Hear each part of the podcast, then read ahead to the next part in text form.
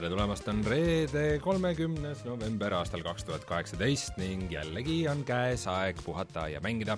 minu nimi on Rein Soobel, minuga koos siin jätkuvalt Martin Mets. tere, ma just vaatasin video, kuidas äh, lehm pani Just Cause neljas äh, bensiinijaama plahvatama. See- lihtsalt lehm visati, aga see oli miski, mis oli ju ka võimalik Just Cause kolmes. ma ei ole kindel, aga ma arvan, et muudes mängudes see võimalik ei ole. Just Cause neli tuleb äh, järgmisel nädalal välja. okei okay., see oli vist neljandal detsembril, lihtsalt, ma tahtsin lihtsalt see vahele öelda, kuna see oli praegu See oli hingel mul, jah. Järgmine nädal tuleb välja ka Rainer tõsi mitte vist me oskame- kapist, aga, aga ta vist nüüd lähipäevadel peaks tulema Eestisse tagasi ja siis äh,, siis meie duosaated on ainult meeldiv mälestus. tõsi, tõsi. Need olid on olnud au. Need on, need, need olid ajad tõesti. Jaa, aga äh, jaa, te kuulete siis mängusaadet Puhata ja mängida ja kes ei tea, kes pole päris kindel, kuhu nad on sattunud, te võite meid leida igasugustest äh, saitidest ja kohtadest, Youtube'ist ja Spotify'st ja Instagramist ja Facebookist ja ka Delfi taskust. tasku.delfi.ee, kus nüüd tuli veel kusjuures saateid juurde, et ma ei taha reklaami teha, aga seal on see tagatuba, ma, ma olen suur poliitikasaajate fänn, see on mul väike hobi niiviisi, puhata ja mängida ja poliitikat teha, aga kas mulle tundub, et Eestis on äkki natuke liiga palju neid poliitikasaateid ei, väga ei no selles mõttes, et halba ei pea kuulama, aga ma ei ole Ahah. seda jõudnud veel kuulata, aga selle probleem oli sellepärast, et see oli liiga lühike, see oli kakskümmend minutit, midagi oli üks osa, kakskümmend minutit podcast'i jaoks on ilmselgelt liiga vähe mm, -hmm. Mhm. et palun tõmmake vähemalt tunni peale siis, siis ikka muidu kakskümmend minutit sa ei jõua kuulama hakatagi, kui juba on läbi. see podcast'i formaat on jah, pigem niisugune niisugune pikk uimerdamine ja mögisemine, nagu meie praegu ja teeme, meil, meil tuleb vabalt üle tunni saade jälle sihuke, vaata me võiks praegu lihtsalt rääkida sellest, et podcast peab tunni pikkune olema, võiks sellest lihtsalt tund aega rääkida. sest see on ju tore, kui on pikem. ja kui on nagu palju sisu ja on millest rääkida ja ja siis tempo läheb aina aeglasemaks. aga millest me täna räägime peale selle, kust meid leida võib? Äh, me räägime täna Red Dead Online'ist, mis nüüd tuli välja, ehk siis see on Red Dead Redemption kahe, oota, Red Dead Online ongi selle nimi või? jah, Red Dead Online on selle nimi Red Dead Online kaks kindlasti. isegi kahte ei ole, ei, see on Red Dead Online, isegi oota, aga Red Dead Redemption ühel oli ju ka multiplayer. see on remaster. mis asja? ei, tegelikult, ei tegelikult selle nimi on Red Dead Online, teed lahti isegi see menüüs niiviisi, Red Dead Online okay.. see on nüüd väljas, see, see, see on esimene uudis juba minu jaoks praegu. et see, kusjuures seda ei saanud kõik alg-, see on beeta, on ju, esiteks, sa oled selle mängu juba ostnud, aga see on beeta, aga nüüd, mis see nagu on siis, on ju, see on see asi, mida me tahaks teada saada, ma olen natukene proovinud ka, aga ilmselgelt liiga vähe, sest me räägime pärast sellest, miks vähe. sa panid meile, sa panid meile Facebooki üles mingisuguse redneck friigi see on äh, minu visioon, milline mina võiksin olla äh, Metsikus Läänes, kui ma ei oleks äh, Artur Morgan olnud.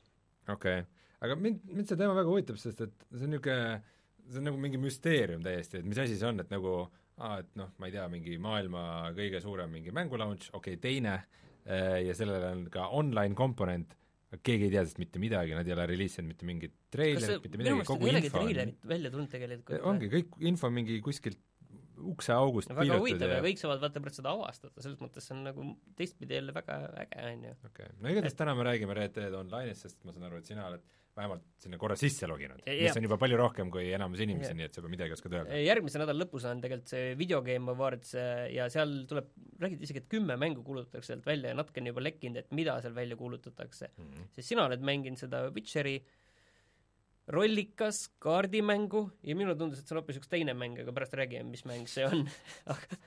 Thronebreaker siis. Colon äh, Witcher Tales, The Witcher Tales. ja siis Fallout seitsmekümne kuuest, mõnes mõttes tahaks nagu sellest rääkimise lõpetada, on inimesi, kes tegelikult, ma olen lugenud, kes räägivad, et seal on päris toredad asjad ja neile isegi päris palju meeldis, mida nad seal tegid, ja siis on inimesed, kes on kõike muud kui rahul. ja siin erinevatest asjadest, me kahjuks peame veel, ma tahaks nagu selle teema nagu joont alla tõmmata, et Fallout seitsekümmend kuus ja need jutud nagu lõppesid siin saates kas me räägime kas me räägime Nailoni draamat? No me peame nagu seda natuke nagu markeerima lihtsalt, sest asi läheb nii lolliks kätte ära.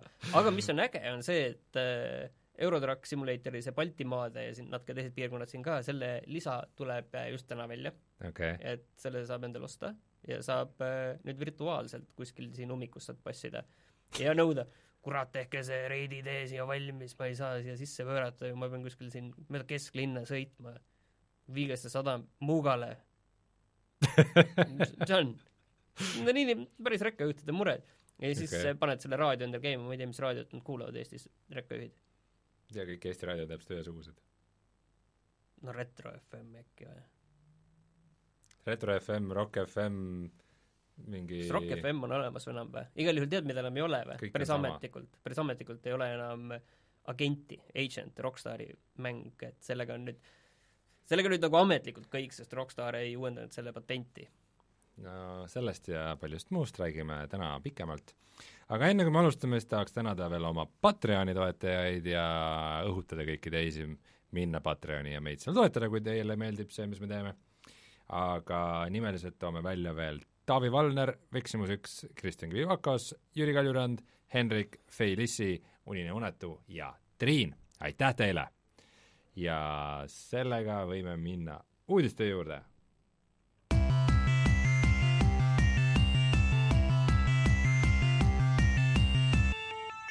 uudised.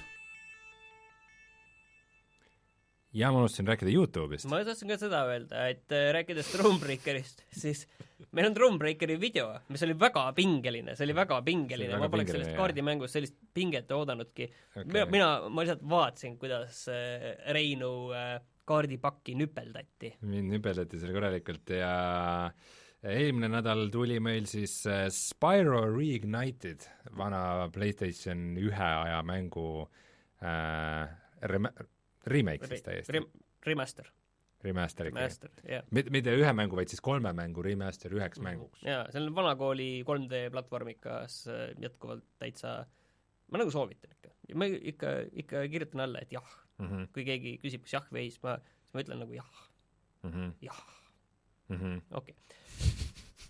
nii, aga alustame siis selle Red Dead Online'iga, ma saan aru, et sina ei ole seda üldse proovinud, mina vähemalt olen seal maailmas sees ja ma olen äh, natukene seal missioone proovinud teha. See on esimene asi võib-olla selle juures nüüd ongi see, et kuidas üldse välja tuli, on see, et äh, see on betas ja siis kõigepealt äh, paar päeva, paar päeva tagasi jah, sai sisse logida need inimesed, kes äh, olid ostnud selle mingi Ultimate Editioni, siis said need, kes olid esimese kolme päeva jooksul. Ja mina olin ka nagu esimese kolme päeva jooksul ja siis ma sain sinna sisse kaks tundi enne saadet, lõpuks oli pilt ees, et äh, jess, võid sisse minna, siia muidu oli, et coming soon, okei, aga eh, põhiline asi on seal see, et on ju, et sa, seal on uus tegelane, sul sa ei ole Artur Morgan, sa teed iseenda tegelase, sa saad päris toredaid tegelasi seal teha, olla mees, naine, esi-, see on tegelikult juba oluline, sest kas sa mäletad, kuidas see oli GTA Online'is? Ma ei ole GTA Online'i kunagi mänginud. ma räägin sulle, kuidas see oli GTA Online'is. sa tegid kaks tegelast. Need olid su vanemad. ja siis mäng tegi sulle nende vahepealse tegelase. ma loodan, et ma teeks nalja, aga see oli päriselt nii No nii et see, et sa teed mõttes- omale tegelase, on juba väga suur asi. mõnes mõttes see on siiski ikkagi täiesti huvitav lähenemine, et see, see oli vaat see mingi pärimis rogu-like, selle, sellega tuleb see mäng. aga ühesõnaga, sa teed selle tegelase ja seal on, ja, ja seal on täiesti oma lugu ja oma loo missioonid mm mm. -hmm. sul äh, ainu- ainus asi on see, et see sinu cutscene'idega on lugu nagu täitsa. jaa, ainus asi on see, et sa ei saa sa ei saa äh,, sul pole rääkimisvõimet. sa saad ainult äh, neid emote teha, saad lehvitada teistele ja ma seal igal pool käisin ringi ainult ja lehvitasin kõigile, ma olin väga sõbralik. kas see oli jälle nagu GTA Online'is? no võib arvata jah, et nad see oli ka mingi Nad te-, tegelasele võtsin kas või mingi random lauseid anda, aga, aga ei ole jah. mm -hmm. ja, ja sa teed oma selle laagri sinna ja siis hakkad seda ehitama ja siis eh, missioone tegema ja endale kampa kokku ajama, mm -hmm. kes siis võivad olla päris inimesed. ja seal ongi terve see kaart, mis on selles eh, võivad olla. Red Dead eh, Online'is. ma, ma olen üksi võid-, ma olen üksi praegu oma laagris, mul ei ole ma tean, sa kedagi, võid kampa kokku ajada ka nagu NPC-dega või? ei minu teada mitte, ma olen Okei. praegu üksi seal laagris, sellepärast sul on oma laager ja sa oled seal üksi. Jah. see on küll kurb. see, see on kurb jah, aga, aga no mis, mis ma teha laulad üksi lõkke ääres seal õhtuti. aga mis võib-olla kõige rohkem okei okay,, ma jäin sinna, et see terve see kaart on sul avastada, et sa võidki, see on põhimõtteliselt nagu üksikmäng. no mõnes mõttes. sa võidki seal ringi käia, teha mida, iganes, kuskil on need seal kaardi peal need teised inimesed ka. nagu Fallout seitsekümmend kuus?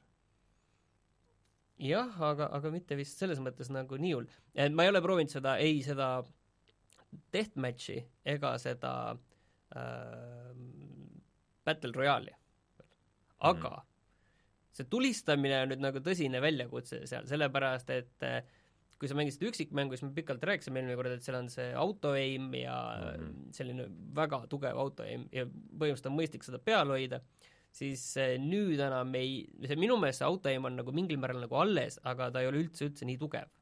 et ta okay. põhimõtteliselt eh, magnetiseerub enam-vähem sinna vastaste külge, ükskõik, nii kui relva välja võtad, on ju, see ongi automaat-, isegi teisele poole enam-vähem vaatad, siis ta juba tõmbab nii ei ole, aga see tulistamine on oluliselt äh,, ta on keerulisem. ta on assisteeritud? jaa, aga võrreldes selle põhimänguga, ta on, üksikmängu ta on ikka täiesti no sa, sa ikka ajad taga seda sihikut põhimõtteliselt, sa ei ole harjunud sellega tegema, seda seal maailmas, seda sihikut mm -hmm. niiviisi taga ajama, et see sihtida üldse normaalselt. natuke kõlab see kõik nagu veidi liiga palju nagu GTA see kõik 5. ilmselt ongi täpselt nagu GTA Äh, ja ainult, mida seal veel ei ole, on muidugi mikromaksed mm. -hmm. et need ilmselt tulevad hiljem, seal on need, need kullakangid, mida sa pead teenima, noh, nii palju, kui ma internetis jõudsin lugeda, siis äh, kullakangi teenimiseks umbes kulub kaheksa tundi. okei okay.. ja no nende kullakangide nagu hinda või seda ei ole teada, aga näiteks, et kui sa tahad äh, endale saada seda kiirreisimist enda sellest laagrist kuskile mm, -hmm. siis sa pead olema seal mingi level kuuskümmend viis või et sinna nagu jõuda inimesi ostes, sa peaksid, või noh, ilma maksmata sinna jõudmiseks, ma saan aru, et sa pead üheksasada tundi mängima. üheksasada tundi? üheksasada, jah. et ilmselt grind ima üheksasada tundi järjest? jah, aga no vaata, inimesed naudivad seda GT Online'is ka, et sa naudid seda üheksa tundi, et sinna jõuda. või siis sa, tõenäoliselt tulevad need shark kaardid, mille eest sa saad neid kullakange. Mingi sellise metsiku lääne nimega. Unicorn card. Yeah.. aga me just enne rääkisime ka, et vaata, et see on väga huvitav, et me ei tea selle Red Deadi online'i kohta eriti keegi ei teadnud väga midagi, seal olidki mingid lekked, see nädala sees, täpselt sel päeval, kui see äh, välja tuli, kahekümne seitsmendal, esimestele inimestele, siis alles tuli välja, et seal on mingi see Battle Royale üldse juures. Ja veider on see, et see minu meelest see Battle Royale ei ole nagu üldse mingiks asjaks seal saanud praegu. et see on mm. nagu täiesti eraldi mingi lihtsalt noh, see on olemas, see mängulaad, aga mm. aga inimesed ei ole ei vaimustuses ega lihtsalt suva suhteliselt. et mhm. näiteks see põhimäng, kus sa oled seal, käid seal ringi inimestega ja, ja teed mingeid missioone, see on nagu saanud selliseks põhiasjaks, ma olen aru saanud. see on seesama nagu GTA Online'is, noh sa pole mänginud muidugi, et sul on mingid helendavad alad umbes, kuhu sa lähed ja siis sa lähed nagu eraldi lobisse ja siis kas, kuidas see nagu käib? Ei, see on ikkagi üks maailm, kus sa oled sees. nii, vähemalt see, kus mina praegu seal teen, see on ikka üks maailm, ma praegu näiteks Deathmatch ju, selleks sa ju laed mingisse jaa, aga ma ei ole Deathmatchi teinud okay.. selles mõttes ma ei tea. ühtegi niisugust nagu eraldi laetud asja sa pole proovinud? ei, ei. vaata, need, need olid tegelikult selle GTA Online'i nagu kõige suurem probleem, sest et uh, umbes pool aega mängus või isegi rohkem uh, veetsid sa pilvelõhkuja vaates, kus sa vaatasid siis taevast uh, pilvede alla sinna linna poole ja siis ootasid, kuni mäng laadis midagi ja isegi, isegi kui sa mõne missiooni võtsid üksi, siis see mäng laadis sulle terve selle maailma nagu eraldi selles üksi olemise serveris ja siis äh, tegid seal mingi asja ära ja siis ta laadis sind tagasi sinna teistega koos olemise serverisse, et äh, ma tun-, ma tahaks teada, et kas see on kuidagi parem Red Dead, Red Dead Online'is. praegu mulle nagu tundub, on see, et äh, mul isegi nagu mingi huvi on nagu oluliselt suurem isegi selle vastu, kui ma nagu arvasin, et mul on tegelikult, et mulle alguses tundus ilmselt see asi on see, mida ma nagu korra proovin ja kohe sinnapaika see jääb aga praegu mul on tunne, et äh, ma isegi olen nõus veel proovima, vähemalt äh, mitte nii kaua, vähemalt aga noh, nii kaua, kuni kuni tõesti võib-olla see raha hakkab nii oluliseks muutuma, sest mõnes mõttes on vaata hea mängida selle üle seda raha, on ju. -hmm. ja need tegelased on kõik tegelikult selles mõttes erinevad, et näiteks seal on see äh, Deadeye, see aegluubis see süsteem, see on seal olemas ma ei ole, ma ei ole teiste inimeste peale seda kuskilt katsetanud või näinud, aga kuidas see toimib, ma ei saa aru, kuidas see aegluupi läheb, siis peab terve maailm minema aegluupi korraks, kui keegi sellesse läheb. no üks Rockstari mäng oli, kus oli multiplayeris aegluup. see oli see Max Payne kolm või? see oli Max Payne kolm, siis seal oli selline süsteem, et põhimõtteliselt nagu tekkis mingi mull, minu arust Diablo kolm kasutas ka mingit sarnast süsteemi, isegi StarCraft kaks mm., aga et, et põhimõtteliselt, et siis mängija, kes seda kasutab, tema ümber tekib mm. mingisugune territoorium, kus kõik on nagu, kõik teised liiguvad ka aegloobis äh,. Võib-olla mingi selline süsteem. aga igal juhul ma saan aru, et kindlasti ma loodan, et mm. mitte nagu selles Killing Flooris äh,, Killing Flooris on see, et äh, mingis suvas kohas, kus keegi teeb zombile headshot'i, umbes läheb nagu mäng aegluupi, aga kuna sul on üsna palju mängijaid samas serveris, siis keegi teine sina parasjagu jooksed kuskilt suvast trepist üles parasjagu kaardi teises otsas ja siis äh, sellel ühel mängijal, kes parasjagu aegluubis zombit tapab, on äge ja siis sina jooksed aegluubist trepist üles mingi nii kaua, kui see käib.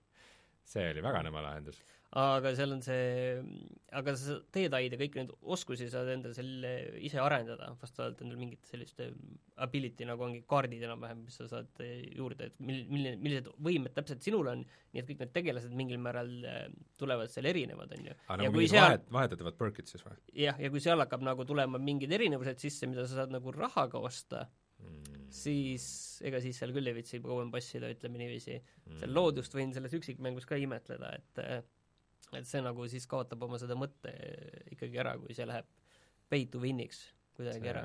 see on kurb, jah. aga selles mõttes ongi vaata praegu seda hea mängida. et praegu on vähemalt kõik seal võrdsed. kõik on võrdsed, aga kõigil on võrdselt halvasti, keegi ei saa quick travel'idega neid asju midagi teha. nojah. nojah äh,, no ma ootan veel infot selle kohta, ma ei ole kindel, ma ei ole kindel, kas ma tahan seda proovida, sest ma tean, et ma ei taha konsooli peal kellegi teisega multiplayer'is kindlasti tulistada puldiga. teised on ka konsooliga? jah, aga teised on võib-olla mänginud mingeid konsooli shooter eid rohkem, ma ikka tahaks niisugust asja teha hiire ja klaviatuuriga mm,, teine asi on see, et ma teeks ikkagi enne selle üksikmängu lõpuni, ma kardan, et muidu see peale GTA Online'i mängimist see kuidagi, see üksikosa on ka kuidagi selle peale, et ikka nagu vähem mängijaid, vähem atmosfääri, kõik on nagu vähem, kõik on halvem. seal äh, Red Deadis peaks olema ka kolmkümmend kaks mängijat, kui ma ei eksi koos. terve selle suure kaardi peale või? jah, sellepärast, et seal on äh, minu meelest küll, sellepärast et noh, selles Battle Royale'is on ka kolmkümmend kaks mängijat, kui ma ei eksi mm. -hmm aga no nii palju, kui ma olen lugenud, siis seal on tegelikult päris ägedaid missioone on tegelikult, mida sa, mis seal on ja kus Äh, teised mängijad sind saavad takistada neid missioone tegemast, et äh, mingid, eriti ongi mingid lihtsad missioonid vist oli, et kus sa pead kuskilt lihtsalt minema linna, sinna vist oli sinna sama Saint-Denis ja sinna minema kuskile ühest postkastist lihtsalt kirja tooma või postkontorist ja siis äh, aga tei-, tundub lihtne asi, et mine too see kirja, võta kiri ja too ära, on ju, ja ongi kõik missioon. aga teised üritavad sind takistada, teised mängijad okay.. Et, et sellised asjad nagu tunduvad, tunduvad huvitavad. tahaks kohe lasso välja võtta selle peale mõtle, kui äge on teist mängijat lassoga lohistada oma hobusedega. seda peab tegema. või kui sa oled, kui peagi muidugi, kui sa kohe sinna ei lähe, siis eh, on seal need tüübid, kes sind lohistavad. või siis sõbraga koos varitsed kedagi ja siis kahekesi koos lassoga võtate ja siis käristate teda lõhki kahe hobuse vahel. seda sa tahaksid teha? äkki saab. aga mis käristati lõhki veel see nädal, oli äh, krüpto krüptoraha hinnad, et äh, Bitcoin kukkus ja, ja seal see Ether, mis on see teine suur, see on ka kaotanud, ma ei tea, kui, suure osa oma väärtusest terve selle aasta jooksul tegelikult, et mm. et ma arvan, et kõik on juba maha müünud, kes aga ühesõnaga, point on nüüd selles, on ju, et äh, graafikakaarte kasutatakse krüptorahade kaevandamiseks mm. ja äh, internetis tekkis äh, suur vaidlus et nüüd need graafikakaardid, paljud äh, kaevandajad äh, lõpetasid kaevandamise ära, lihtsalt pole mõttekas, elektrikulu on suurem kui see kasu, mis sa sealt saad, ja on neid äh, kaarte ka Eestis müügile paisanud. et sa lähedki kuskil mingisse nendele müügisaitidele Eestis ja vaatad ka, et GTX tuhat kuuskümmend kuus gigabaiti maksab näiteks sada kuuskümmend eurot kasutajatena või sada seitsekümmend eurot. Versus see, et poes ma vaatasin, vist arvutitargas oli kõige odavam selline kaart tuhat kolmsada kakskümmend, et noh, põhimõtteliselt poole odavamad okay.. ja see oli suur vaidlus, et kas võib, kas, kas see kaevandamiseks kasutatud kaart on kuidagi halvem või ei ole. kas on siis? hea kü-, siin ei ole ühist vastust, on ju, tegelikult, et seda tegelikult ei, ei tea, et kui kaart on normaalselt kasutatud, siis siis ilmselt ei ole seal midagi, on ju, häda, on ju, aga mm -hmm. no küsimus ongi, et me saime tegelikult äh, arvutitargast küsisime ja saime väga hea vastuse, et kuna nemad müüvad ka ise kaarte, siis on ju et äh, et äh, nad andsid sellise vastuse, et kui, et kui nad on profid, kui profikaevandajad, siis, siis, siis ilmselt tasub osta.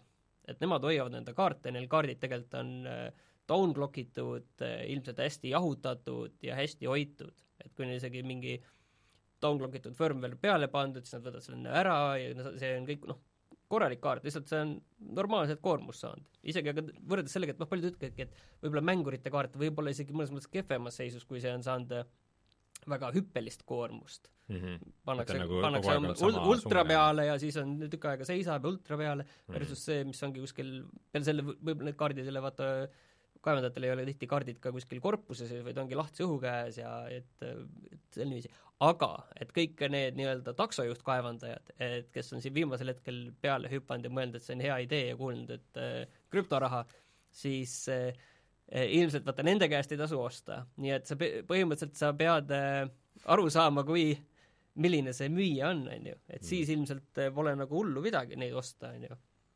Okay.. et et aga, aga näiteks oligi, et äh, oli kuulda ka juhtumeid, ongi, et oo oh,, ma ostsin selle kaevandaja käest kaardi, et äh, väga tore kaart küll, aga jõle aeglane on, ju.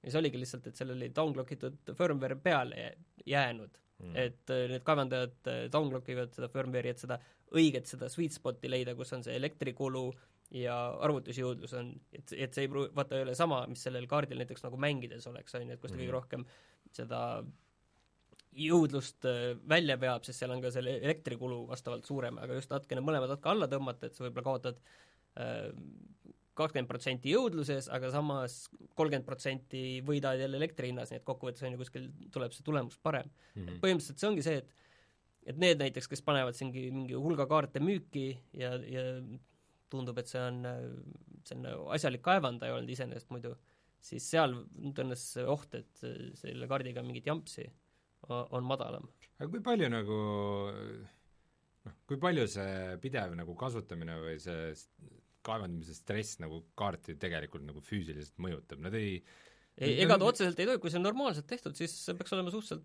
selle normaalne, stabiilne kasutus, ega seal ei ole ju midagi see kaardi kulu ju lihtsalt nii kiiresti, ta lihtsalt no mis kõige rohkem ilmselt kulub, on vendid kuluvad kõige rohkem ilmselt. halvimal juhul nagu ongi pigem vendid need, mis vaja, vajavad väljavahetamist, eks. et pigem kui seal on juba jah, nende taksojuhtide juures ilmselt on see, et on mingid, võib-olla mingid retsimad kuumused olnud, ei ole osanud seda õiget, seda äh, kõige magusamat kohta kaevandamiseks leida ja siis need võib-olla jah, panevad, proovivad sealt äh, ma ei tea, üle klokkida ja seda viimast välja pressida ja siis pigem mm. kuumus teeb viga seal sellele kiibistikule või mingile, mingile ühendusele pigem, et mm, see mingi plastik läheb ka imelikuks selle, rabedaks selle kuumuse peale et ühesõnaga, see oli, see oli meil geeniuses, geeniuses väga huvitav teema, mille, mille peale meil mõelda, et, et ma arvan, et see võib-olla on inimestele kasuks, et okei okay,, aga sa arvad, et äh, praegu jõulueel on nagu hea aeg, et äh, kas endale või äh, sõbrale no selles mõttes graafikakaarte on nii palju nüüd turule tulnud, kui vaadata ka neid müügiportaale, et, et mm. neid tuleb juurde peale ja, ja hinnad on head, et selles mõttes kiusatus, ma saan aru, inimestel on täiesti arusaadavalt olemas ja uute hind on ka kukkuma hakanud selle peale? no ta on nagu mõistlikum, aga, aga selles mõttes, et nüüd selle peale ilmselt ei ole jõudnud need hinnad minu meelest veel reageerida okay.. et see on nüüd selline viimase kahe nädala teema, kus see, kus see suurem kukkumine olnud ja inimestel lihtsalt ei tasu kaevandada mm,. aga äh, ilmselt see ei mõjuta siis nende äh, Nvidia uute kaartide hinda? ei, seda kindlasti mitte. RTX-i seeriat? ei, seda ma ei usu, see läheb, see, millal nende hinnad kukuvad, see võtab veel ikka aega, eriti Eestis, ma arvan. aga need on ikkagi Eestis ilusti saadaval? jaa, jaa, ma nägin äh, RTX kakssada kaheksakümmend Ti oli vist tuhat kolmsada eurot veel, veel et et eks siis, mis seal ikka, eks tuleb see investeering ära teha. kaua sa ikka see nende tuhat seitsmekümnetega siin hakkama saad. aga meil on tulemas siis äh, kaks tuhat kaheksateist aasta Video Game Awards niisugune äh, üritus äh,, mis toimub nüüd äh, seitsmendal detsembril, see on nädala pärast. reedel vist, jah. reedel, jah äh,. Ja selle kohta on öeldud, et seal äh, tuleb välja vähemalt, kuulutatakse välja vähemalt kümme uut mängu mm,. Et ma ei tea, mitte nagu, et mingeid DLC-sid või lisapakke või midagi, vaid nagu eraldi mänge, mis on päris vägev iseenesest, no üritus on vist jah, iga aastaga aina selliseks äh, mõjukamaks muutunud, et seal on Mhm. varemgi kulutatud välja olulisi asju, isegi ei, ma ei mäleta, okei okay,, vahet pole. üritus ise on tavaliselt üsna piinlik olnud, aga, aga, aga mänge seal välja kuulutatakse ja ja üks asi, mis tundub järjest kindlam, et seal tuleb äh,, kuigi mingit ametlikku teadet selle kohta ei ole, on siis järgmine Alieni mäng. et selle nimeks on arvatud, et see on Alien Blackout ja, ja tegelikult on noh, päris ametlikult on lihtsalt üks äh, selle Geoff Keighley äh, tweet, et Worlds will collide, mis on Alieni fontidega. Worlds will change ah,. Ah, Change jah, õige jah, et äh, siin tasub nüüd nagu tähele panna ühte asja, kes ootavad äh, Alien Isolation kahte või sellele järge Mm mm., siis äh, selle arendajaks ei ole Creative Assembly, kes seda, seal tegi Alien Isolationi, vaid selle arendajaks on mingi Foxi, kes on siis Alieni kaubamärgi omanik, selle mingi enda stuudio mm, -hmm. enda selle, neil on see, ongi digitaalsete mängude selle mingi juures mingi uus stuudio ja ma ei, ma ei oska selle mängu kohta ausalt öeldes nagu mitte midagi arvata. selles äh, mõttes, et mulle tekib tunne, et ma, et ma tean, et see ei ole Isolation, järelikult see on midagi väga halvemat, mul on tunne. No halbu Alieni mängu oleme me näinud küll ja veel, on ju, aga äh, ma olen kuulnud mingisuguseid kalakaid, et sellest saab mingisugune online-mäng, et äh, äh, kas siis mingisugune shooter või mingisugune persistentne online-maailm nagu midagi MMO-l laadset Mm. või midagi niisugust isegi, milleks selle jaoks Alieni maailm on vaja? Alieni maailm on täpselt see Isolationi maailm ju. või siis veelgi väiksem. aga Isolation oleks ju veel hirmsam, kui seal oleks teisi mängijaid ka hästi palju, kes Eh, hüpleks ümber sinu ringi. või siis see mm, asi, mida on korduvalt proovitud teha ja kogu aeg läbi kukutud, näiteks nagu Evolve, mis on siis selline äh, asümmeetriline. asümmeetriline mitmikmäng jah, et kus üks tegelane on alien ja teised äh, siis peidavad äh, ennast tema eest või üritavad vastu võidelda kuidagi.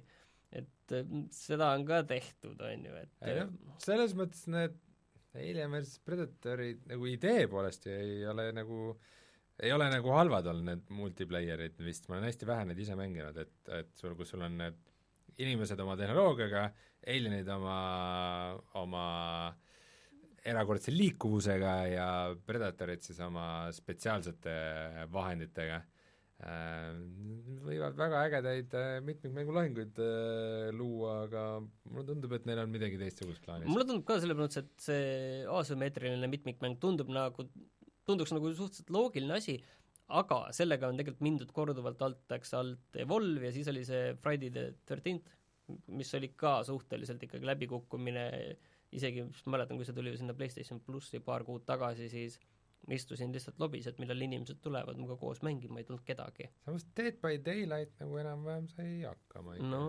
võib-olla see, kas selle Alieni, selles mõttes Alien oleks kindlasti äge tegelane nagu iseenesest selles maailmas.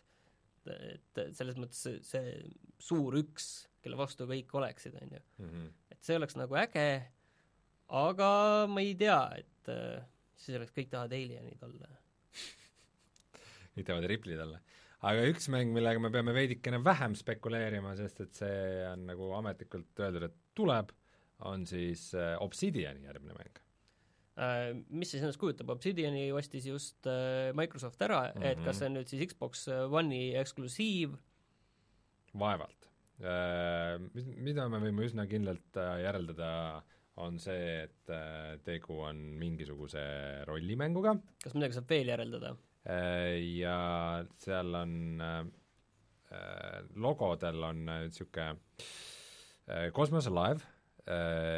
ja niisugune logo kus on kirjas Spacer's Choice ja siis on veel ühe relva pilt ka niisugune see näeb selline BioShockilik välja kuidagi, rustikaalne tulevik, osad loodavad, et see on Arcanum, eks kunagi oli niisugune eriline rollimäng, mida mul on ikkagi mõte kunagi proovida, kuigi see ei ole väga hästi vananenud, ja et, et äkki Arcanum tulevikus või mingi midagi umbes niisugust. Aga saame näha, et nädala pärast siis kuulutatakse see ja igast teised mängud välja, nii et järgmine saade me ka veel ei tea, aga, aga aga see on üsna kindel, et uus Obsidiani mäng tuleb. ja võib-olla, kas me midagi unustame, mida on veel lekkinud või? vist mitte. vist mitte, jah. ei tea, igatahes äh, tasub oodata. no see on tegelikult kuuendal on see nagu kuupäev, aga meie aja järgi vist on see seitsmendal okay., et selles mõttes. aga mida enam ei ole, on siis Agent, mis oli selline, mäletage, millal see välja kuulutati? agent. võib-olla oli isegi igal PlayStation kolme ajal kuulutati välja see suur äh, Sony eksklusiiv ja selles mõttes oli väga suur asi, et äh, Rockstar, mis tegi selliseid mänge, tol ajal oli, see oli veel enne GTA nelja minu meelest, kui see välja kuulutati. okei. Okay et nad teevad PlayStation kolmele suure eksklusiivmängu.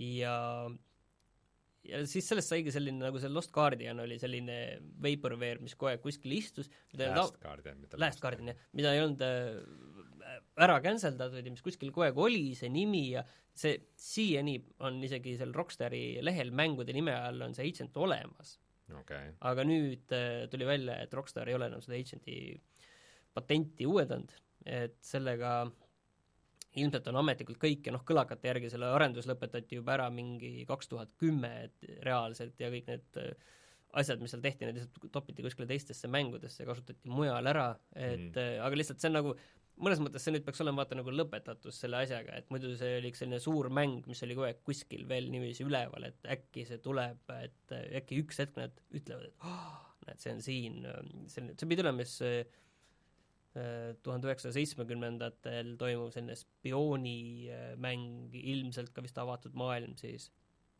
aga jah, selleni ilmselt oli liiga ambitsioonikas asi, ma arvan, kunagi juhtunud. või siis nad lihtsalt ei saanud seda PlayStation kolme veel tööle, täpselt nii, nagu nad tahtsid, ma ei tea.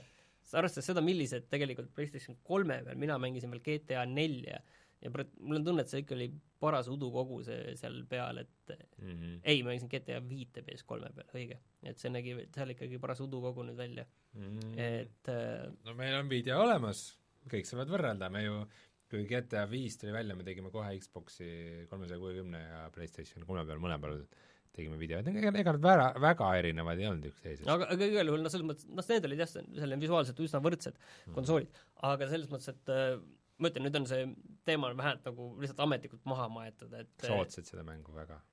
kunagi ammu jah, kunagi ammu jah, ja nüüd ma ei ole seda juba, ma arvan, et Arvad, seitse aastat oodanud või umbes niiviisi. Rockstar on ka mingis mõttes lihtsalt kasvanud nii suureks ja vägevaks äh, ettevõtteks ja liiga rikkaks saanud, et nagu Neil on vist natuke suva nendest mingitest kokkulepetest, mis kunagi sai tehtud, et aa ah, jaa, jaa, te kunagi maksite, ma... te kunagi maksite meile kümme miljonit dollarit, et äh, et me teeks teile eksklusiivmängu, võtke. no päris nii see, et võtke see tagasi, jah? võtke, jaa, siin on tagasi. võib-olla tõesti, et me oleme neid Shark-kaarde nii palju müünud, et pole nagu vahet, et ja. et ma, ma, ma ei kujuta ette, kui kaua aega läheks, et, et me selle raha tagasi teeniksime, mis me pidime teile maksma praegu. tehtud aga ma ei kujuta ette, kui ähm,, kui palju veel inimesed ootavad, et Betesta neile Fallout seitsmekümne kuue eest raha tagasi maksaks, et seda vist äh, seda vist ei juhtu. sellega oli palju vist, ma ei teagi, kas Redditis oli väga palju äh, lihtsalt trollimist, et äh, keegi ütles, et ma sain raha tagasi, kohe ei olnud probleemi. päris paljud ütlesid, et said? või oligi see päriselt, et sellega, sellega lihtsalt see nali, et Betesta, see reegel oli vist see, et sa saad raha tagasi, kui sa ei ole seda käivitanud.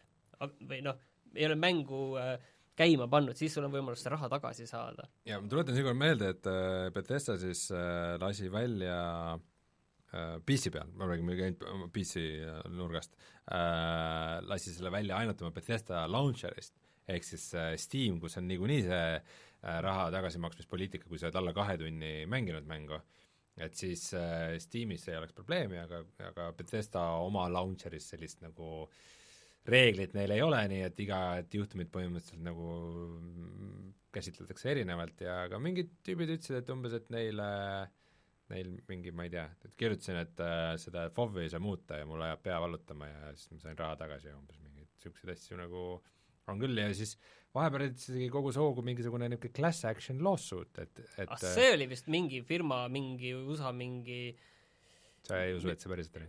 Ei, ei, see oli mingi jah, mingi suvalise, mingi õigusbüroo mingi selline blogi, mis natukene analüüsis seda olukorda põhimõtteliselt okay., mille point oli see, et keegi, pange kokku see, see, see class action asi, pange kokku ja siis tulge meie juurde ja siis me võime selle ette võtta või, või umbes niiviisi, et noh, et põhimõtteliselt selle firma reklaam oli see et see on nagu selles mõttes minu meelest nagu päris asi. Aga selle kõige taustal suutis äh, Bethesda teha veel ühe asja, esiteks ma tahaks mainida seda, et äh, Bethesdal siis paar aastat tagasi, just siis, kui tuli välja see kaks tuhat kuusteist aasta Doom, siis nad äh, tegid omale reegli või nad tegid reegli ja ütlesid, et nii, et nüüd hakkab edasi niimoodi olema, et meie ei anna mänge enne ajakirjanikele. siis, kui mäng välja tuleb, siis saavad kõik mängida ja siis äh, siis ajakirjanikud mängivad teistega koos ja siis selle järgi teevad oma skoori. Ja see põhimõtteliselt siiamaani nagu neid päris hästi teeninud, sest see, sest et nende nagu mängud on üldiselt saanud ikkagi nagu häid hindeid, Doom isegi oli nagu see esimene hea näide, sest et kõik proovisid seda multiplayer beetat, ütlesid, et mis kuramuse jamps see on, siis tuli õige mäng välja ja kõik ütlesid, kurat, see on nii hea mäng, andke andeks, et me kunagi teist kahtlesime, kuigi Bethesda oli siis selle mängu ainult äh, publisher, kirjastaja, levitaja.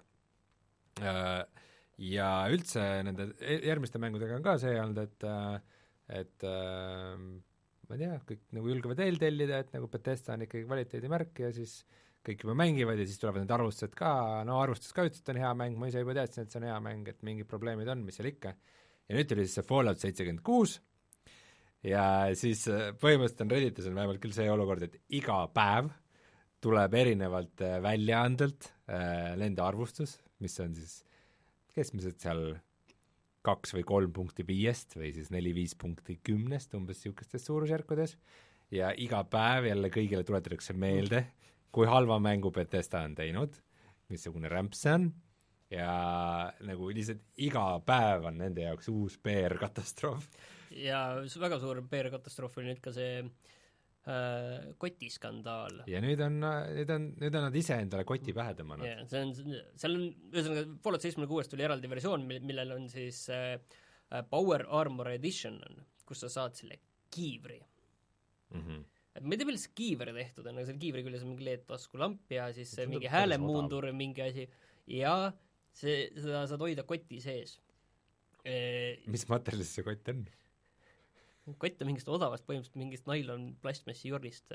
ei, ma küsin, mis, mida nad välja reklaamisid, mis seal kirjas oli, et mis riidest, kott peab, riidest kott peab olema ja, ja tegelikult on nailonist. see, vot see riides on ka selline, see tugevast riidest selline korralik, on nagu sõjaväekott või selline, no mis mm. Pre-, presendist?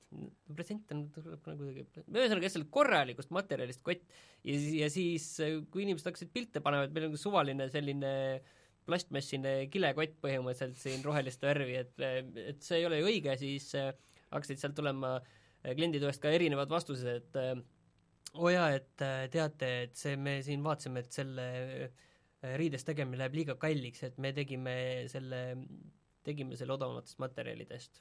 siis keegi ikka ütles, ei, tegelikult meil ei olnud lihtsalt materjale kätte saada, tuli see ametlik vastus lõpuks, et et me ei, meil ei olnud sobivaid materjale, nii et me tegime riie on päris haruldane materjal. jaa, jaa ja, ja nüüd siis nad said aru, et oi-oi, midagi on ikka valesti. Ja siis nad ütlesid, et äh, et selles mõttes nad äh,, teeme selle selgeks, nad, nad lubasid selle, reklaamisid selle, see on vist mingi umbes veel täna oli seal igast saitidel oli üleval, et on siiani seda reklaamitakse sellise pildiga seda reklaamitakse nagu, et sul on nagu list asjadest, et need on need asjad.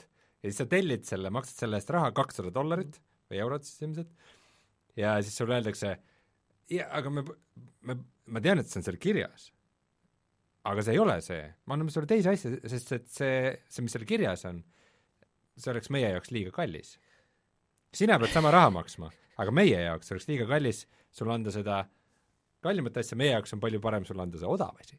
ma nõuaks kompensatsiooni kohe praegu. Bethesda jaoks see on toiminud siiamaani mängudega, vaata, see, see lähenemine. et me lubame igast asju, aga tegelikult on seal midagi muud ja noh, mo-, modijad teevad korda, aga see, et nad teevad nagu füüsilise kaubaga sellist asja. modima sinna riide peale, jah. et see, see ikka näitab, et äh, veidike see reaalsustaju on nagu ära kadunud. aga siin on väga äge see, et vaata, Bethesdale seal Fallout seitsmekümne kuues on see virtuaalne raha, selle nimi on äh, Atom ja, ja nüüd siis öeldi, et äh, säh, säh, võtke, võtke viissada aatomit selle eest, et, et hüvitiseks. hüvitiseks selle eest, et kui te ostsite selle ja saite oma selle nailonist kotikese, et säh, viissada aatomit, kõlab väga hästi et viissada aatomit võrdub siis viie euroga seal, saad osta seal mängus viie euroga selle viissada aatomit ja sellega no juba internet juba võtab Rainer tuld selle peale. mingi nalja, et selle eest saab ühe ukse ja kimbu lilli ja et sa ei saa osta isegi seda virtuaalset nai-, seda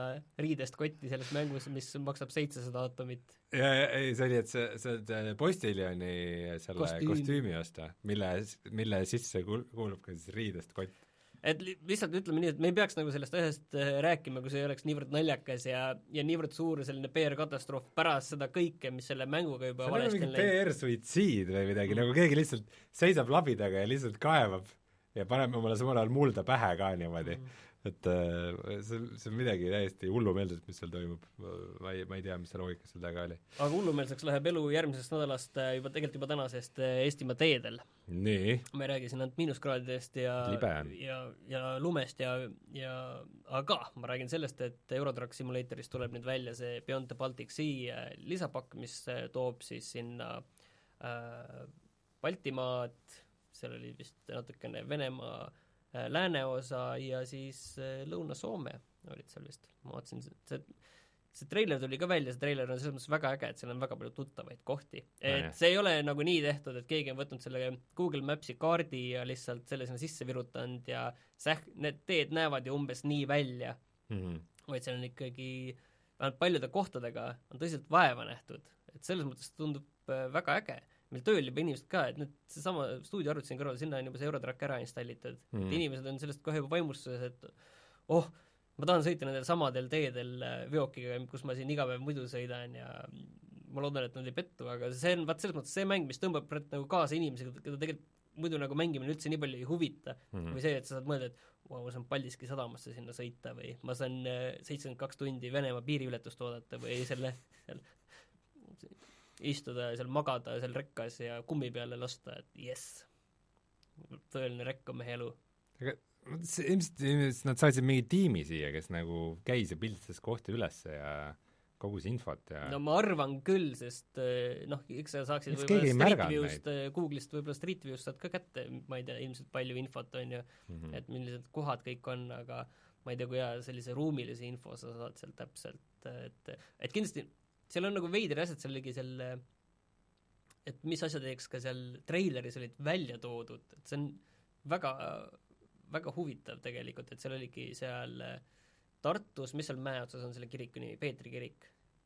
mäe otsas, see Raadi poole või? see on vist Peetri kirik, Peetri kirik, et see minu meelest oli seal ja siis oli äh, Tallinnas oli see metodisti kirik, mis on seal Narva maanteel ülikooli kõrval näiteks, mis olid sellised tuttavad kohad ja minu meelest oli siis ka seal mingi Paldiski sadam tundus olema seal, mm. -hmm. et sellised äh, veidrad valikud nagu nendest kohtadest, ma ei teagi, et ma ise ei tuleks nagu elust peale, et kui ma teeksin nüüd äh, Eestist mängu, et siis ma Eesti teedest mängu, siis ma valiksin nagu need kohad, et mis sinna panna, et väga huvitav valik, et keegi on kuskilt väga kõrvalt tulnud ja vaadanud seda Eestit ja, ja siis et mis kohad me teeme. Et aga et see nagu on mingid kohad, mis on nagu enam-vähem poolrealistlikult mudeldatud ja ülejäänu on lihtsalt nagu ei, kui realistlikult see kõik on, noh, ilm, ilmselge on, et kõik seal ei ole, on ju, realistlikult tehtud, see ei ole nagu päris, ma arvan, võimalik, et kõik oleks seal tehtud, on ju.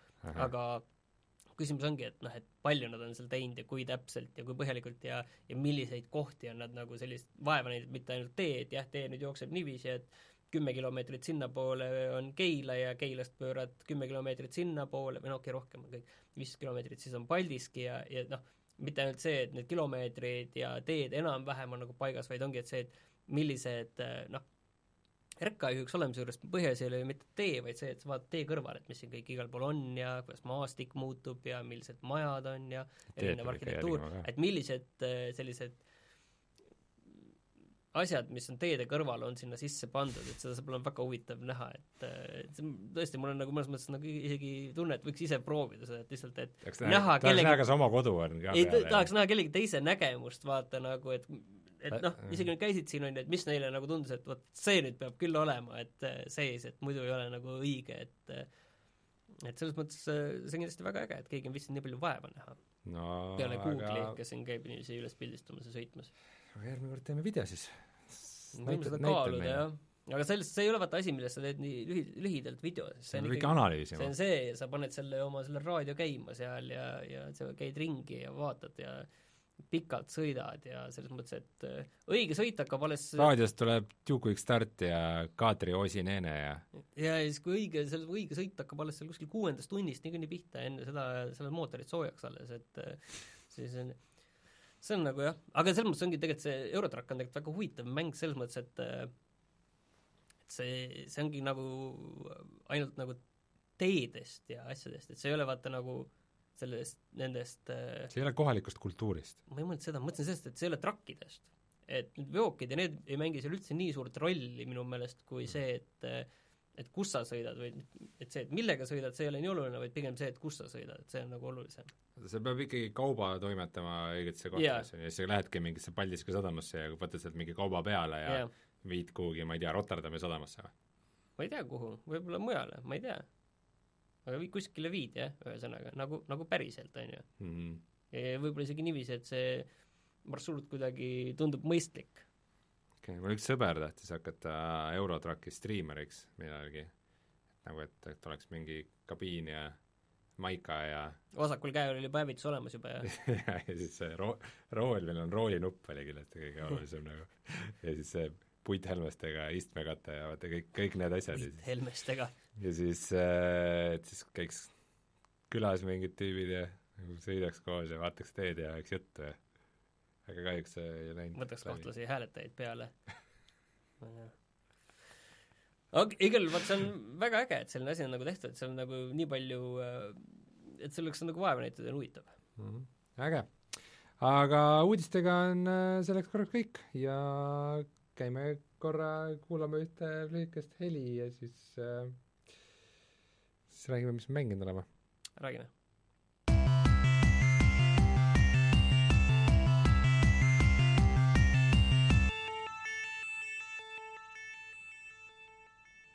no selle Red Dead Online'i jutu sa põhimõtteliselt rääkisid ära või sa tahad veel midagi ei, selle kohta lisada? otseselt ei taha, aga aga ma tahan rohkem, et sina räägiksid äh, Thronebreakerist. okei okay,, ma räägin siis äh, Thronebreakerist ähm... kusjuures tead, mis on naljakas või no.? Äh, ma tahtsin seda õiget nime vaadata ja Vikipeediast läksin äh, Thronebreaker The Witcher Tales'i lehele ja sa lähed Gwenti lehele. ja see redirect'is mind automaatselt Gwent The Witcher card game'i lehele. mis on täiesti vale. mis on teine mäng. jaa. oota, ei, see on selle single player campaign mode, ma ei tea, see, ühesõnaga segadus on suur. väga segadusse ja hiljuti oli ka uudis, et see Thronebreaker ei müünud väga hästi uh,, mis kindlasti ei ole äh, päris immuunne sellele, et nad on üsna halba tööd teinud, et seletada, mis mäng see on ja miks see on ja kellele see on mõeldud ja no sellega oli vist niiviisi, et see Gwent alguses pidi välja tulema eraldi mänguna mm, -hmm. ta siis, oli beetas vist ka. jaa, ja siis jah. inimesed said proovida ja siis äh, ilmselt vist selle tagasiside põhjal selgus, et äh, seda päris nii hea ei ole teha, vähemalt sellisel kujul ei saa seda välja anda mm -hmm. ja et me peame selle ümber tegema, mingi balansseerimine ja nii edasi, ja siis pärast seda tuli teade, et nüüd tuleb see ikkagi tuleb, aga kolmekümne tunni pikkuse rollikana, milles sa kasutad kaardivõitlust, aga aga sa ei mängi vaat siis teiste inimeste vastu, sa ei saa mängida, et see on üksinda selline kaardimäng.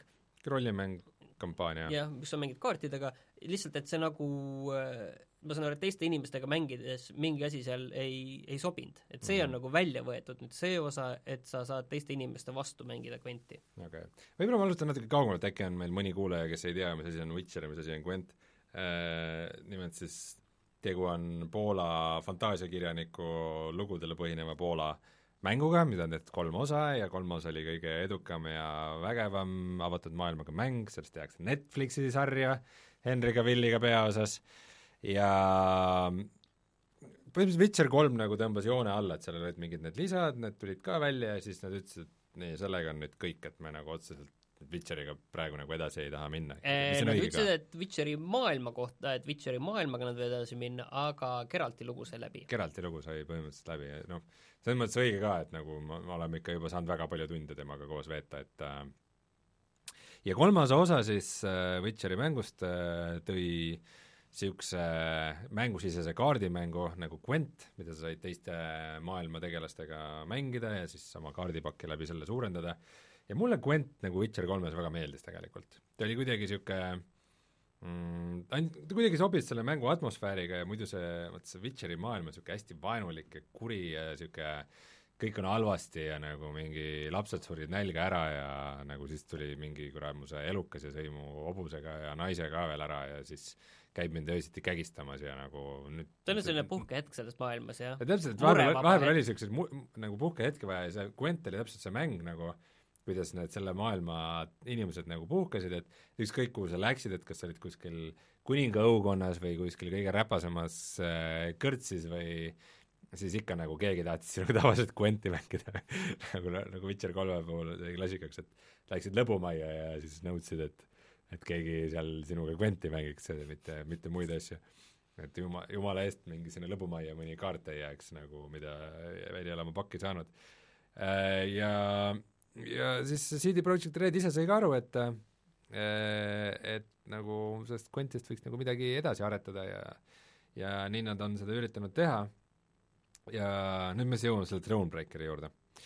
mis oma olemuselt on siis rollimäng, kus sa nagu pealtvaates äh, juhid ühte tegelast äh,, see stiililt äh,, nagu me videos jõudsime järeldusele, meenutab väga Heroes of Might and Magic kolme siis peamiselt, aga nagu üldse kogu seda seeriat. jah, et sa oled selline üks kangelane ja siis sul on selline 2D kaart ja kus sa käid ringi ja, ja see sinu kangelane ongi põhimõtteliselt selle armee avatar, mis mm., millega sa käid ringi ja teised kaardi peal olevad äh, mingid elukad või asjad siis äh, sümboliseerivad ka mingit armeed ja sa saad mingeid muid asju seal leida kaardi pealt ja, ja aga samal ajal seal käib mingi story ja sul on enda nagu mingi äh, selline loss on vist või kindlus on vist vale öelda, aga pigem selline laager mm. -hmm.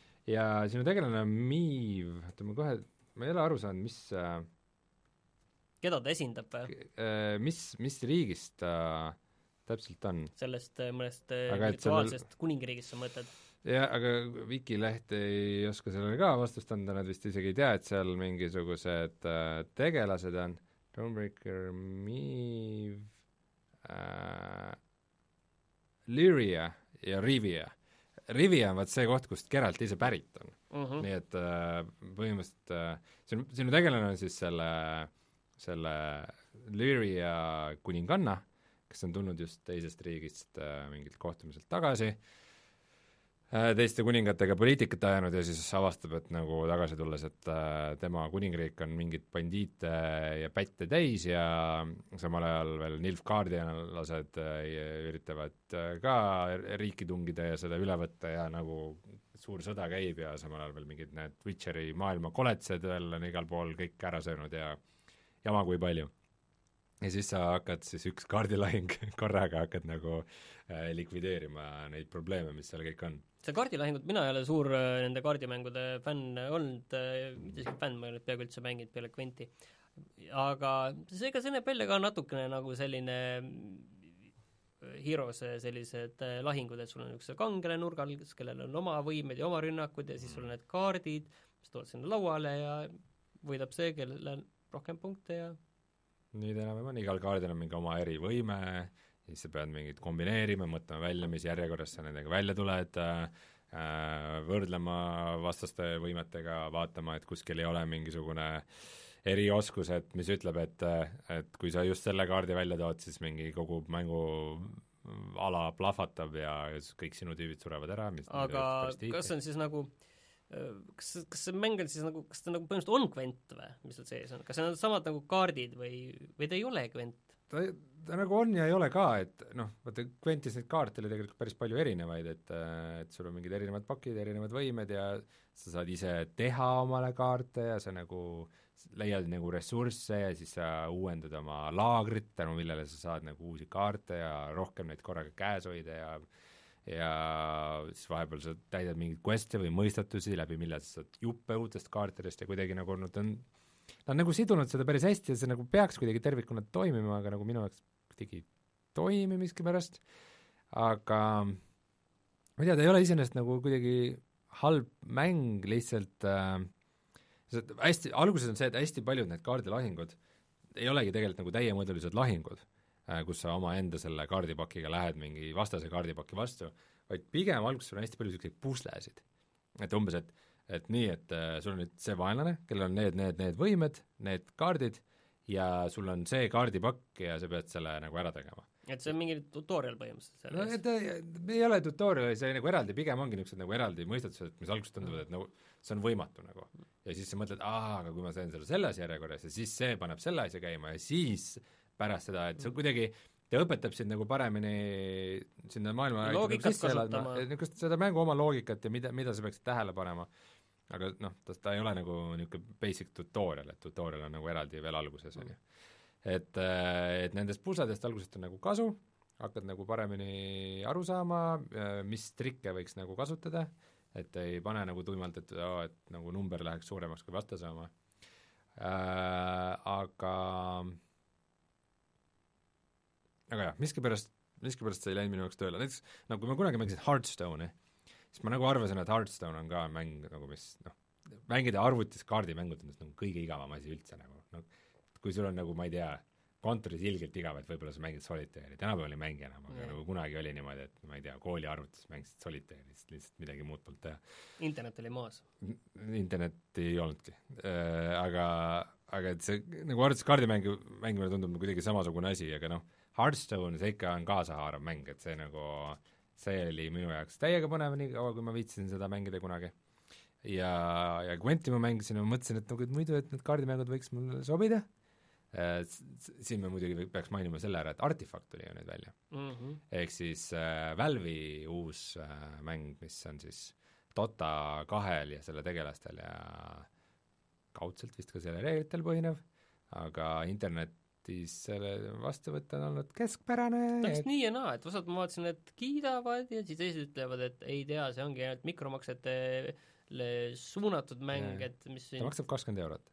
jah, ja, ja siis sa saad neid kaarte saad vahetada nagu seal ja müüa siis sellega Steam'i marketplace'is, et ta on nagu sellega ka integreeritud. aga Thronebreaker maksab siis äh, kakskümmend viis eurot Okei. okay. natuke peale, et äh, ma ei tea, et ta äh, nagu, nagu, nagu peaks mulle meeldima Aga sa mängid edasi või? ei mängi. Mängi tunne, et ma ei mängi, et ma olen Tõesti? vist äh, lõpetanud selle mänguga, et et, noh, Witcheri fännina vaata see, et ta on niisugune Witcheri maailm, peaks olema nagu minu jaoks oota, aga mingi kas Ke- väärtus. Geralt on seal olemas või? ta, ta, vaata, siin on äh, mingi see äh, selles, see on selle, selle nagu mingi alguspilt nagu, kus Geralt on kohe seal Miivi kõrval ja nagu hästi oluline tegelane ja siis peaks ju olema. aga sa ei ole teda näinud või? ei ole. no võib-olla ta kuskil lõpus tuleb äkki, Äkki vaata. vaat see ongi see, et seal, see on nagu, et mida palju öeldakse, et ta on nagu paremini realiseeritud Witcheri maailm, kui keegi oleks oodanud sellest mängust. et ma lugesin, et kõik seda, seda lugu ka kiidetakse, et Jah, see on tegelikult üks aasta parimaid okei. rollikalugusid, kui, kui ma loen, et äh, aga lihtsalt ma tahaks seal mõõgaga lüüa teisi tüüpe, mitte nende vastu kaarte mängida. ma ei tea, see on mingi, midagi seal ei klapi minu jaoks, aga see on minu maitse küsimus, see ei ole nagu ma, mängu see aga vaata, font ja muusika ja kohad ja, ja kogu see atmosfäär ja see on kõik täiesti see Witcheri atmosfäär, see peaks mulle meeldima. ma igal juhul vaatasin seda videot ja seda 2D kaarti, kus sa ringi käisid ja siis korra seda lahingut, siis ma mõtlesin, et äh, nad oleksid võinud teha ikkagi äh, Witcheri Heroes'e põhimõtteliselt Mm. et see oleks olnud äge, et sul on see oma loss, mida sa arendada teed ja sa värbad endale mingisuguse elukaid tegelasi enda armeesse, siis sa pead nendega lahinguid ja kogu see Witcheri maailma need kuningriigid sobiksid sellesse süsteemi kõik ilusti, et seal on erinevad kuningriigid ja kaardid ja seal on elukad ja kõik nagu iseenesest mulle tunne, et kõik nagu langes kokku, et miks nad seda ei teinud, see tunduks nagu äge. lihtsalt sellepärast, et mina kahjuks niikuinii ei ole nende kaardimängude mängija, aga ma oleksin kindlasti Witcheri Heroes'e mängija. Mul tunne, et selle Quentiga nad kuidagi nagu veidi astusid mingi miini otsa, et nagu tundus, et see on nii edukas asi, et oh, teeme sellest midagi edasi. aga see nagu väljaspool Witcheri mängu kuidagi ei toimi või nad ei saa ise ka aru, mis nad sellega tegema peaks või midagi, mingi jama seal on.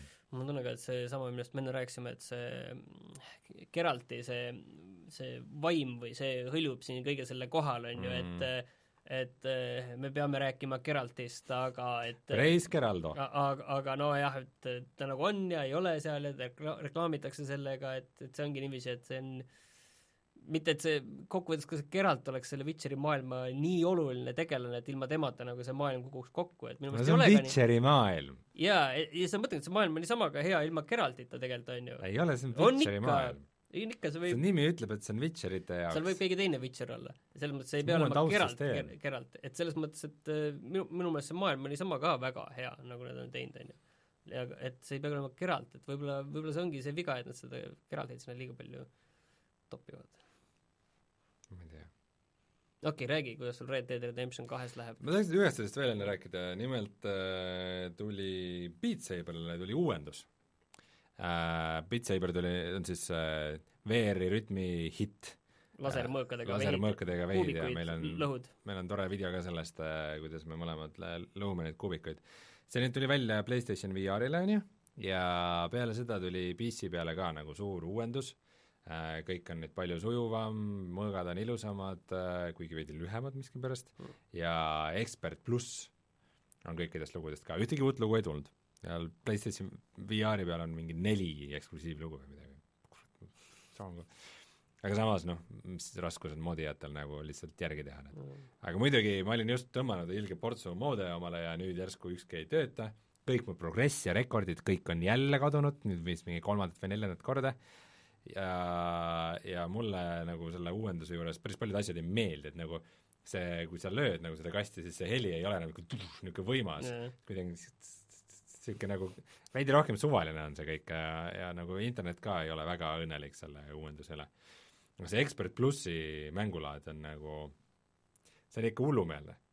ma nagu arvasin, et ma olen suht hea selles mängus, et äh, äh, ma olen nagu kõik lood teinud Expertiga korduvalt ja korduvalt ära A, A-skoori peale, paaris olen isegi S-skoori saanud äh,, et äh, on nagu suht kõva käsi selles, Joo. see ei taha nagu uhkustada, aga no ikka päris okei okay okei, ja nüüd tuli see Expert pluss ja mul pole nagu mitte mingit šanssigi. nagu see on lihtsalt hullumeelne, see, mis kiirusega su käed peavad käima äh, vaheldumisi eri suunas, et sul tulevad nagu mõlemas nurgas enam-vähem läbisegi need punased ja sinised. Ja see on lihtsalt niisugune mingi maniakaalne vehkimine, mis vahepeal ei lähe nagu ma arvan, et see on meelega tehtud lihtsalt selleks, et, et see piir peale panna, et saad aru, et ahah, sa ei saa siin hakkama, et see, et kuna oligi inimesed tegid neid, seda eksperti S-i peale muidu ära veel, aga see ongi see, et panna see inimvõimete piir, et kuhu, kus sa enam ära ei ole võimeline tegema neid, kuigi internetis kindlasti on mingi tüüp, kes neid ära teeb kokkuvõttes. internet on, internetis on neid tüüpe, kes need ära teevad, aga ma lihtsalt, ma ei jaksa. ma lihtsalt väsin ära, need on no, nagu nii räägime kahe kuu pärast, kui sa oled neid kaks kuud harjutanud, siis ma lihtsalt, mul võtab keelevesti peale see, see kiirus ja liikuvus, osad nendest on nagu ikka Nad ei ole nagu ainult nagu heas mõttes nagu rasked, nad on ikka, mulle tundub, et nad on kohati nagu arvan, meelega veits see on kindlasti meelega ongi tehtud üle võlli, et, et ei oleks, ei oleks seda tunnet, et näed, ma tegin ära, vaid saadki öelda, et okei okay,, mu piir tuli siin ette. jah, ma ei tea, midagi sellega on veits halvasti jamasti, ma ootan, et moodi, moodid nüüd järele jõuaks sellele update'ile, et nad korda teeks kõik asjad, et siis, siis nagu vaatame edasi, aga noh, selline seis lihtsalt on niisuguse mänguga nagu Beat Saber. aga räägime siis Red Dead Redemptionist, kui ma otsustasin, et see Thronebreaker ikkagi ei ole minu jaoks, siis äh, tuli tuli see kapi uks lahti, kus on see PlayStation sees ja tuli jälle seda on-off nuppu vajutada seal peal, sa ei pea, sa võid puldist ka panna käima. päriselt või? jah. PlayStationi nupp selle puldi sa peal, võid lihtsalt pulli võtta ja panna käima või? jah. daamid ja härrad, puhata ja mängida konsoolivihjed on alati teretulnud, seda ma ei teadnud. Kuigi mul konsool alati laeb seal USB küljes, läbi USB konsooli küljes Mm. ma pean ikkagi selle kapi lahti tegema ja võtma selle puldi sealt. mm,. okei. aga eks ma siis mõtlen, ma siis mõtlen oma kodu ringi tänu sellele uuele infokillule. igatahes äh, Red Dead Redemption kaks ma jätkasin üksikosa, ma olen kuskil siis seal kolmandas chapter'is, kuskil see mis iganes see linnake oli, kus need kaks äh, tülitsevat perekonda on äh,, viimati mul jäi pooleli Rhodes, Rhodes. Rhodes või selle küll, jah. viimati mul jäi pooleli Saint Denis äh, pokkerit mängides, kui ma olin seal pokkerilauas istunud mingeid ööpäevi järjest äh, mängusiruselt, päike tõusis ja loojus pidevalt äh,, lõpuks siis lahkusin, olles dollariga miinuses võrreldes sellega, mis ma seal tulin, aga noh, ma ei tea, lõbus oli äh,. Ja Saint Denis esimest korda väljudes on muidugi see, et kõik on ilus, nagu noh, uued riided, kõik on vuntsitud, ilus soeng, kõik nagu, ma olin ikka tegelasega, ma olin nii rahul, nagu ma panin, ma saatsin sulle pildi ka, sa ei like inudki miskipärast. aga ma nüüd, tegelane on, näeb üsna minu moodi välja praegu ja siis ta kannab niisugust ruudulist punast äh, pluusi, mis on käised on alati üles kääritud ja nahkvest on peal ja niisugune, niisugune mõnus tüüp on, ma kuidagi, ma pean ütlema, et üks asi, mis Red Dead Redemption kaks teeb kuidagi nagu väga hästi, et et see, et sa pead oma tegelasega vaata tegema mingeid asju, et umbes ta peab sööma ja pesema ja et ta higistab, kui ta on on unustasin selle ratsutanud ja söömise selle lõpupoole täiesti ära. läks meelest ja yeah. et, et see, see ei ole nagu lihtsalt nagu mingi tech-demo, et oo, et vaata, et sa nüüd ratsutasid, et nüüd nahk leevendab, vaid see kuidagi töötab minu jaoks. kuidagi ma tunnen nagu oma selle tegelaskujuga, oma, oma Arturiga tunnen nagu kuidagi, kuidagi niisugust sidet nagu. see on veider, see nagu GTA-des see oli lihtsalt mingi tüütu kohustus, et sa pead mingite nende asjadega tegelema või või lihtsalt lollitada nagu ma ei tea, Trevorile nagu mingi naljaka maika mul selga nagu, panna kusjuures habeme ajamine oli mul küll nagu, mingi hetk hakkas mind nagu häirima, kui see vunst ja, ja see habe nagu liiga suureks läks, ma ikka käisin, ajasin selle karva maha ikka, mm.. aga, aga see toimib hästi, jah. ja, ja kuidagi mäng läheb huvitavamaks, kui sa ro- rohkem sellele tegelasele kaasa elad ja need asjad, mis seal toimuvad, on nagu vahvad ja aga kurat, mul ei õnnestu ennast üldse nendesse missioonidesse pressida nagu. ma otsustan nagu nii, ma võtan nüüd puldi kätte, täna ma teen mõned missioonid ära. teen, täna ma teen ainult missioone, ma teen neid järjest ainult missioone. seal on tavaliselt on jah missioonipäevad ja siis on äh, ringi käimise päevad, mul olid ka. ja siis on see, et sa lähed sinna laagrisse ja siis on on jälle võimalus kellegagi minna kalale või jahile. ja kuna ma juba tean, ma Charlesiga korra nagu kaotasin võimaluse, siis ma nüüd ma alati võtan, sest pärast ära ei, pärast ei kutsuta enam. nii et nagu peab äh,, peab käima.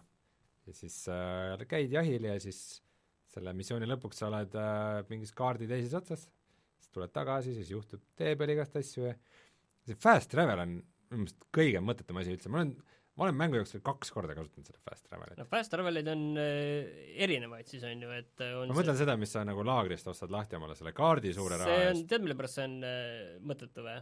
sellepärast, et äh, üldiselt missioonile sa lähed äh, laagris laagrist ja sa hakkate koos, nagu iga missioon, te kappate koos minema mm. -hmm. kui missioon on kuskil mujal, siis võib-olla mingi võimalus on, aga tavaliselt on kuskil suvakas kohas, et pole erilist vahet, kas sa nüüd hakkad seda tegema või mitte.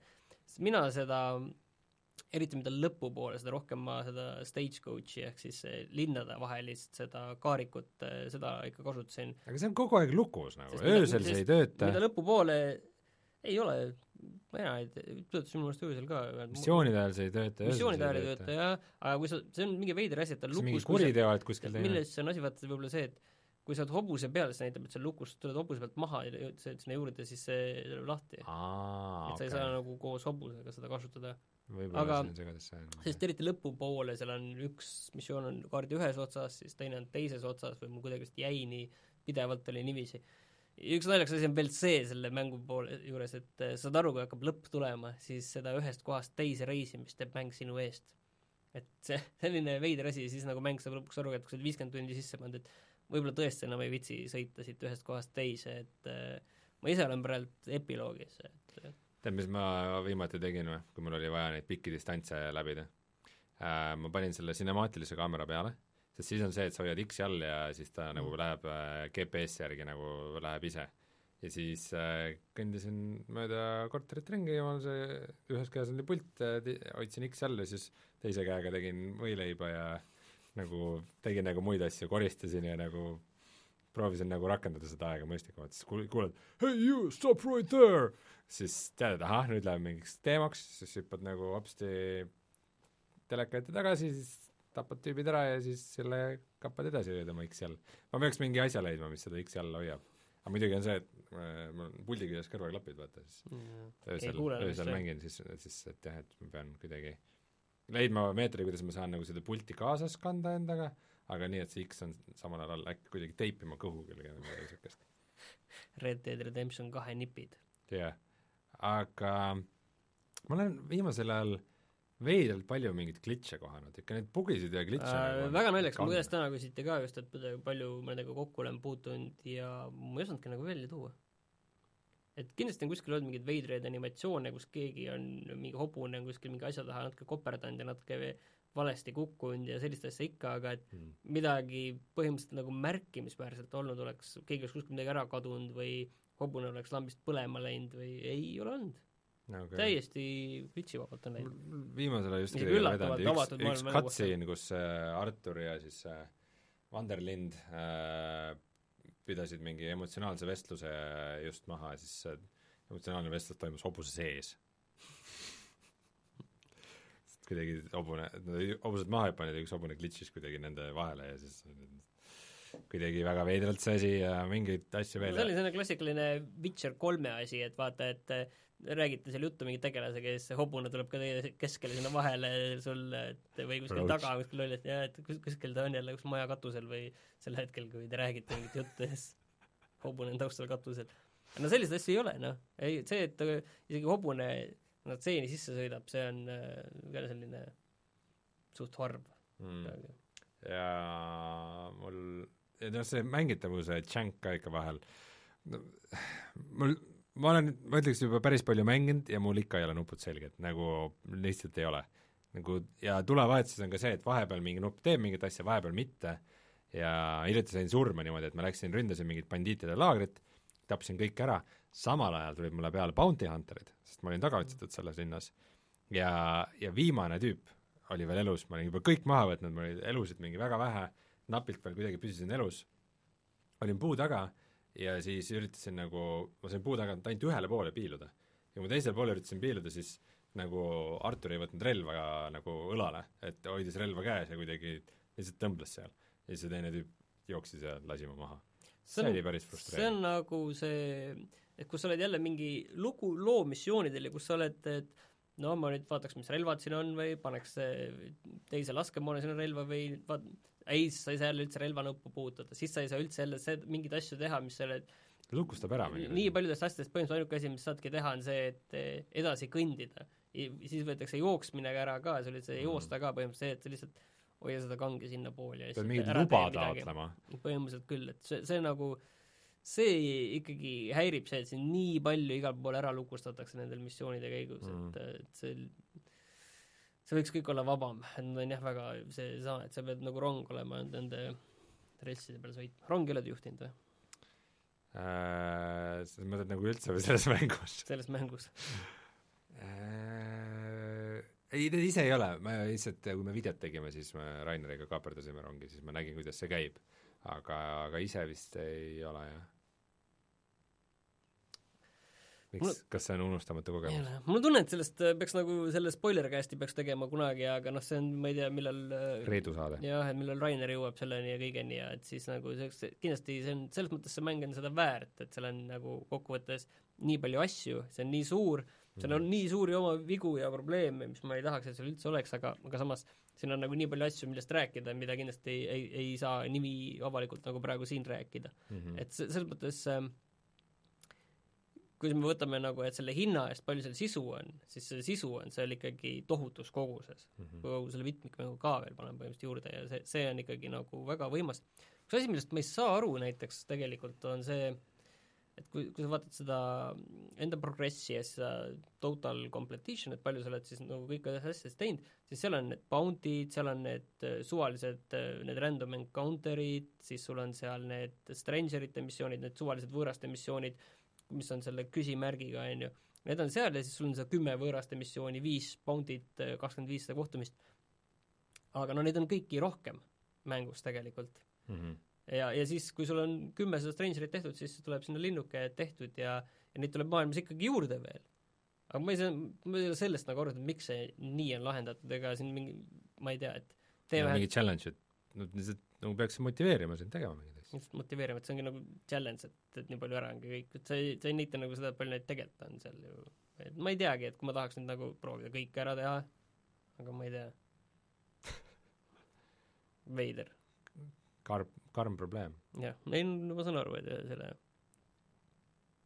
ma ei tea, et äh, ühesõnaga mina kahjuks lõplikku hinnangut ei saa veel anda, aga ütleme niiviisi, et, et see, ma arvan, mõnes mõttes, et loo koha pealt kokkuvõttes sa oled see, seal kolmandas peatükis seal pärit suhteliselt madalseisuses, oled seal ikka veel natukene aega, et see on selline kõige selline vaiksem koht mõnes mõttes, kus nagu noh, ta ei ole põhimõtteliselt kogu aeg möll käib, aga selles mõttes see, kus asjad on suhteliselt monotoonsed päris pikalt Mm -hmm. see on selline koht.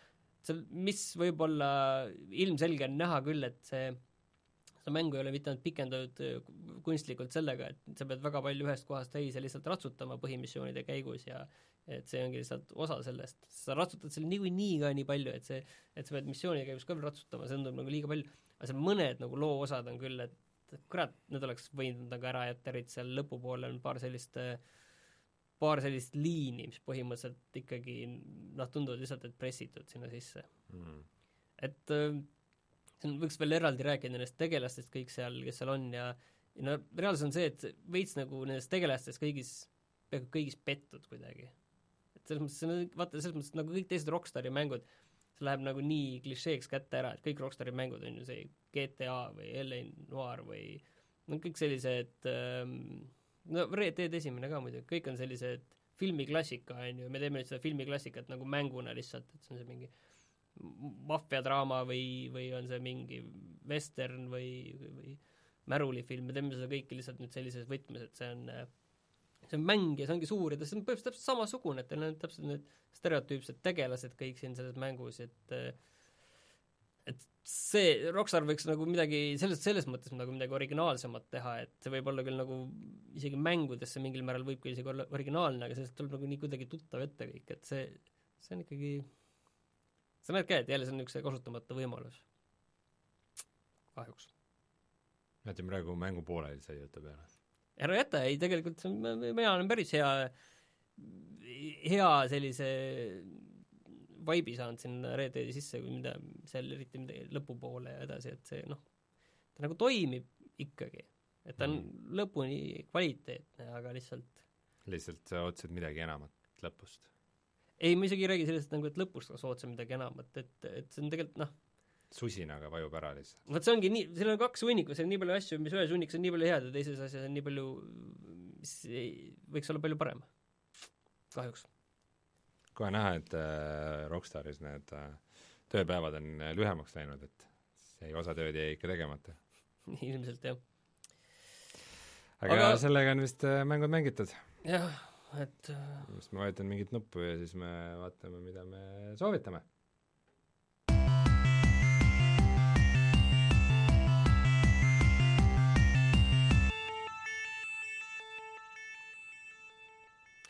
täna me siis me soovitame sellist mängu nagu Euro Truck Simulator kaks, eh, mille põhimäng maksab praegu viis eurot, siis te saate, vähemalt peate ainult ostma selle eh, Baltimaade lisapaki, mis vist oli, ma peast ei mäleta, neliteist või viisteist eurot. Okay.. et äh, selles mõttes vähemalt midagi saab vähemalt odavalt, kuigi see kaheksateist eurot, vabandust, on see Baltimaade lisapakk, nad ikka oskavad siit raha küsida, nii et, et mm. inflatsioon ja äh, korra mul on Steam'i leht lahti ja siis äh, lihtsalt see väga veider asi on praegu, et, et äh, soovitab jälgida niisugust kuraatorit nagu Cynical Brit ehk siis Total Biscuit, kes äh, suri ära see aasta, et soovitab teda follow da. mul on tunne, et ta enam midagi juurde ei lisa sinna, et võib-olla ei ole väga hea mõte teda follow da, et äh, jah kuidagi halva maitsega on praegu see küll, okei. Äh, kas, kas me midagi soovitame veel? Äh, minul ei ole otseselt soovitada oh,. Baltic Bundle'il on vaata Eesti värvides äh, rekka ka kohe pildina juures, nägid või? ei näinud. sinimustvalge ja siis vaata siin keskel on Tallinna see Tallinna siluett ka veel. kilukarp, kilukarp. kilukarbi siluett ka kurat, nad on ikka käinud siin ja vaeva näinud. Nad on ikka vaata hinge tundma õppinud, näinud, et kilukarbi see siluett on ikka see, mis Tallinna inimesel äh, paneb südame põksuma. Ma peaks rohkem väljas käima, ma olen kindel, et oleks kusagil juhtunud kokku mingis vanalinna kõrtsis umbes, et äh, mingi välismaalase, kes ütleb nii muuseas, et aa, me tulime siia nagu Tallinnat üles pildistama mingi Eurotruck Simulatori jaoks.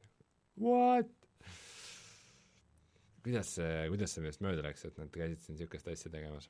kas meil äh, midagi muud vist väga soovitada ei ole või, et äh, Black ei, Friday, Black Friday sai läbi ja seoses sellega kõik need äh, diilid said ka läbi? Uh, korra vaatan enne Humble Store'i ka ei ole veel seal midagi. ei ole midagi head. siis äh, sellega lõpeb meie tänane saade. järgmine nädal oleme tagasi täiskoosseisus. või noh, Rainer on, võib-olla meie mõlemad siis just puhkame yeah. selle peale ja siis äh, ma ei tea, mis veel, leidke meid Youtube'is, Patreonis, Spotify'st, igalt poolt, Delfi taskust. Väga rõhutame seda, sest eelmine kord meil läks minu meelest minu meelest öelda. Ja ma ei tea, pange meile likee ja suube ja igasuguseid neid asju, millest äh, ikka internetis hoolitakse ja millest siis internetis toitutakse. täpselt. ja siis äh, kohtume järgmine kord jälle ja ärge unustage puhata ja mängida. tšau! tšau!